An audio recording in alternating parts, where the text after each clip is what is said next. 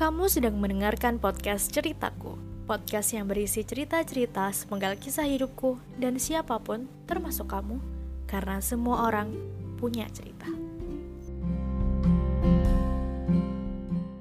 Di episode kali ini aku kedatangan teman lamaku yang bakal cerita nih tentang perspektif, terus pengalaman gimana sih sebenarnya belajar di negeri orang.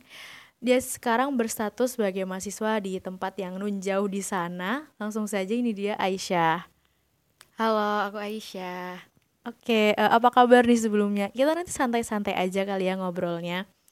Uh, apa kabar? Alhamdulillah baik sih. Cuman agak deg-degan aja nih ujiannya dimajuin. Oke. Uh, Oke, selamat berlibur sebelumnya. Terus uh, kalau boleh tahu sebenarnya nih liburan setelah berapa lama di Mesir? Sebenarnya ini tuh nggak liburan, cuman kebetulan tiket itu lagi promo nih. Jadi ada kesempatan pulang, akhirnya pulang. Dan ini aku pulang setelah kurang lebih satu setengah tahun di Mesir. Wow, lama juga ya satu setengah tahun. Oh, Oke, okay. uh, mungkin aku penasaran sih, mungkin bisa diceritain kali ya, kenapa kok akhirnya tuh milih Mesir sebagai tujuan studi? Soalnya kan kita tahu ya Aisyah, uh, kamu kan dulu keterima di sini sini sini gitu kan terus kenapa akhirnya menetapkan Mesir sebagai tujuan studi gitu sebenarnya nih uh, aku dulu tuh daftar Mesir kayak cuman iseng-iseng aja kan soalnya masku ada yang di Mesir. Terus setiap ditanyain orang mau kuliah di mana? Dulu waktu kelas 12 itu aku cuman iseng doang juga jawab Mesir kayak gitu karena aku bingung mau kuliah di mana. Cuman kayak ya udah deh Mesir kayak gitu. Terus akhirnya aku milih Mesir itu karena aku merasa uh, aku bakal nemuin banyak tantangan yang kayaknya tuh mengasihkan gitu karena di luar negeri kan gitu oh gitu. Um, tapi emang sebenarnya nggak ada dari awal tuh nggak ada ambisi buat ke Mesir gitu berarti? Sama sekali nggak ada bener-bener yang bejo gitu loh aku tuh keterima di sana. Oke okay, oke. Okay. um, oke okay, terus setelah tinggal di Mesir kan aku penasaran ada nggak sih kayak culture shock yang kamu alamin terus kayak atau pengalaman paling yang nggak bisa kamu lupain selama di Mesir? Kalau culture shock tuh sebenarnya aku nggak terlalu banyak ngalamin karena uh, hi aku hidup di lingkungan yang mayoritasnya tuh orang Indonesia. Aku berinteraksi sama lebih banyak orang Indonesia daripada sama orang Mesirnya.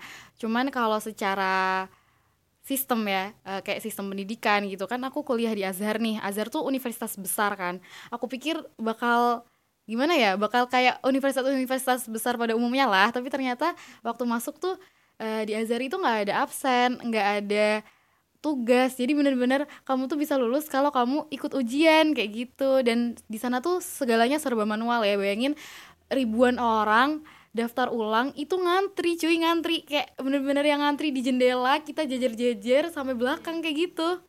Oke berarti kayak istilahnya uh, tergantung ini ya tergantung belajar sendiri individu sendiri gitu ya? Iya bener-bener oke oke. Uh, terus terus um, sekarang nih kan kalau misalnya uh, belajar di negeri orang gitu ya aku aja tuh yang beda kota doang itu di Malang itu tetap aja ngalamin homesick gitu kan. Nah kamu nih gimana nih? Indonesia Mesir nih kan jauh banget kan. Tuh kalau kamu misalnya homesick gitu apa yang biasanya kamu lakuin? Kalau aku homesick setiap kangen aku pasti langsung nangis terus nanti selesai nangis aku telepon orang tua. Dan itu tuh kayak langsung lega gitu sih kayak udah nangis dulu baru nelpon orang tua. Kayak gitu. Soalnya biasanya kalau nelpon orang tua dulu baru nangis nanti pasti di tengah-tengah telepon tuh aku bakal nangis. Oh iya iya iya, iya. relate relate. Oke. Okay. tapi uh, menurutmu apa yang paling beda dari Mesir dan Indonesia? Dan kamu apa ya paling kangen gitu sama Indonesia tuh apanya? Uh, apa ya kalau di Mesir itu aku nggak suka makanannya jadi yang paling aku kangen kangen itu makanannya. Dan uh, emang kayak misal nih soto bakso gitu emang banyak kan mahasiswa Indonesia yang jual. Tapi rasanya tuh nggak ada yang sama kayak di Indonesia gitu loh kayak selalu kayak kurang apa kayak gitu. Oh iya iya iya, iya, iya ngerti ngerti.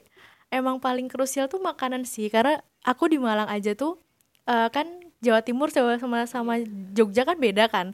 Jogja kan apa apa manis gitu ya, ya manis bener. gitu kan. Nah kalau Jawa Timur tuh asin gitu. Jadi pas sampai sana kayak aduh gimana ya penyesuaiannya kayak gitu. Itu sih. Agak susah emang.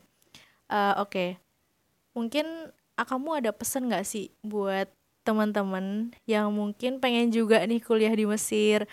Uh, mungkin sebelumnya kamu nggak tahu um, maksudnya gini uh, apa yang bisa kamu sampaikan ke mereka yang mungkin harusnya kamu udah tahu sebelum kamu berangkat ke Mesir gitu buat kalian yang pengen sekolah ke Mesir nih yang pertama harus bener-bener siapin niat. Terus observasi ya guys karena uh, sekolah di Mesir itu nggak seindah apa sih ayat cinta atau KC, KCB oh, iya. ya bener-bener nggak seindah KCB nggak seindah film-film yang latarnya tuh di Mesir. Nggak seindah ceritanya Mas Azam dan Mas Fahri. Eh Mas Fahri bukan sih? Yeah. iya kan? Iya. Oke oke. Oke. Eh, tapi aku mau tanya lagi kan kamu tadi katanya di Usuludin kan uh, apa namanya sampai saat ini apa rintangan atau tantangan yang menurutmu uh, berat atau yang kamu udah alamin tuh apa? Ini secara pelajaran ya berarti? Iya boleh terserah. Kalau di Usuludin tuh kan belajarnya akidah, terus uh, filsafat gitu kan. Terus apa ya tantangannya sih? Aku ngerasa uh, aku aja tuh mungkin aku belum berakidah dengan benar ya. Jadi belajar tuh bener-bener yang ketampar-tampar gitu loh. nggak uh, ada tantangan khusus sih, cuman ya aku uh, tantangannya justru nanti setelah aku lulus itu aku harus berperan seperti apa kayak gitu di masyarakat. Oh iya iya. Oh tapi aku ada satu pertanyaan lagi. Di Mesir tuh ada berapa universitas dan cara masuknya tuh gimana aja? Kamu ada informasi nggak? Kalau universitas sih sebenarnya banyak banyak banget. Uh, cuman kalau yang paling banyak orang Indonesia di sana itu Al Azhar kan dan seleksinya Al Azhar itu udah apa terstruktur gitu dari pemerintah. Jadi enak. Kalau universitas-universitas lain aku kurang tahu mungkin admisinya online. Tapi kalau buat Al Azhar sendiri setiap tahun itu ada tes dari Kemenak dan iya jalur Kemenak sih biasanya. Oh gitu. Kamu sendiri juga masuk lewat jalur itu ya dan ya. itu beasiswa atau enggak?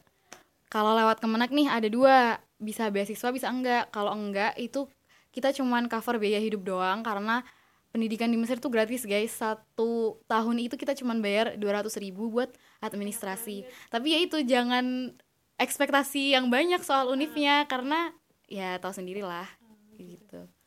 Oh berarti nggak seindah emang nggak seindah kayak di film-film ya, gitu ya? nggak seindah di film-film nggak yang kamu setiap hari ngelewatin piramid buat kuliah gitu enggak guys? Oh, oh iya satu lagi deh.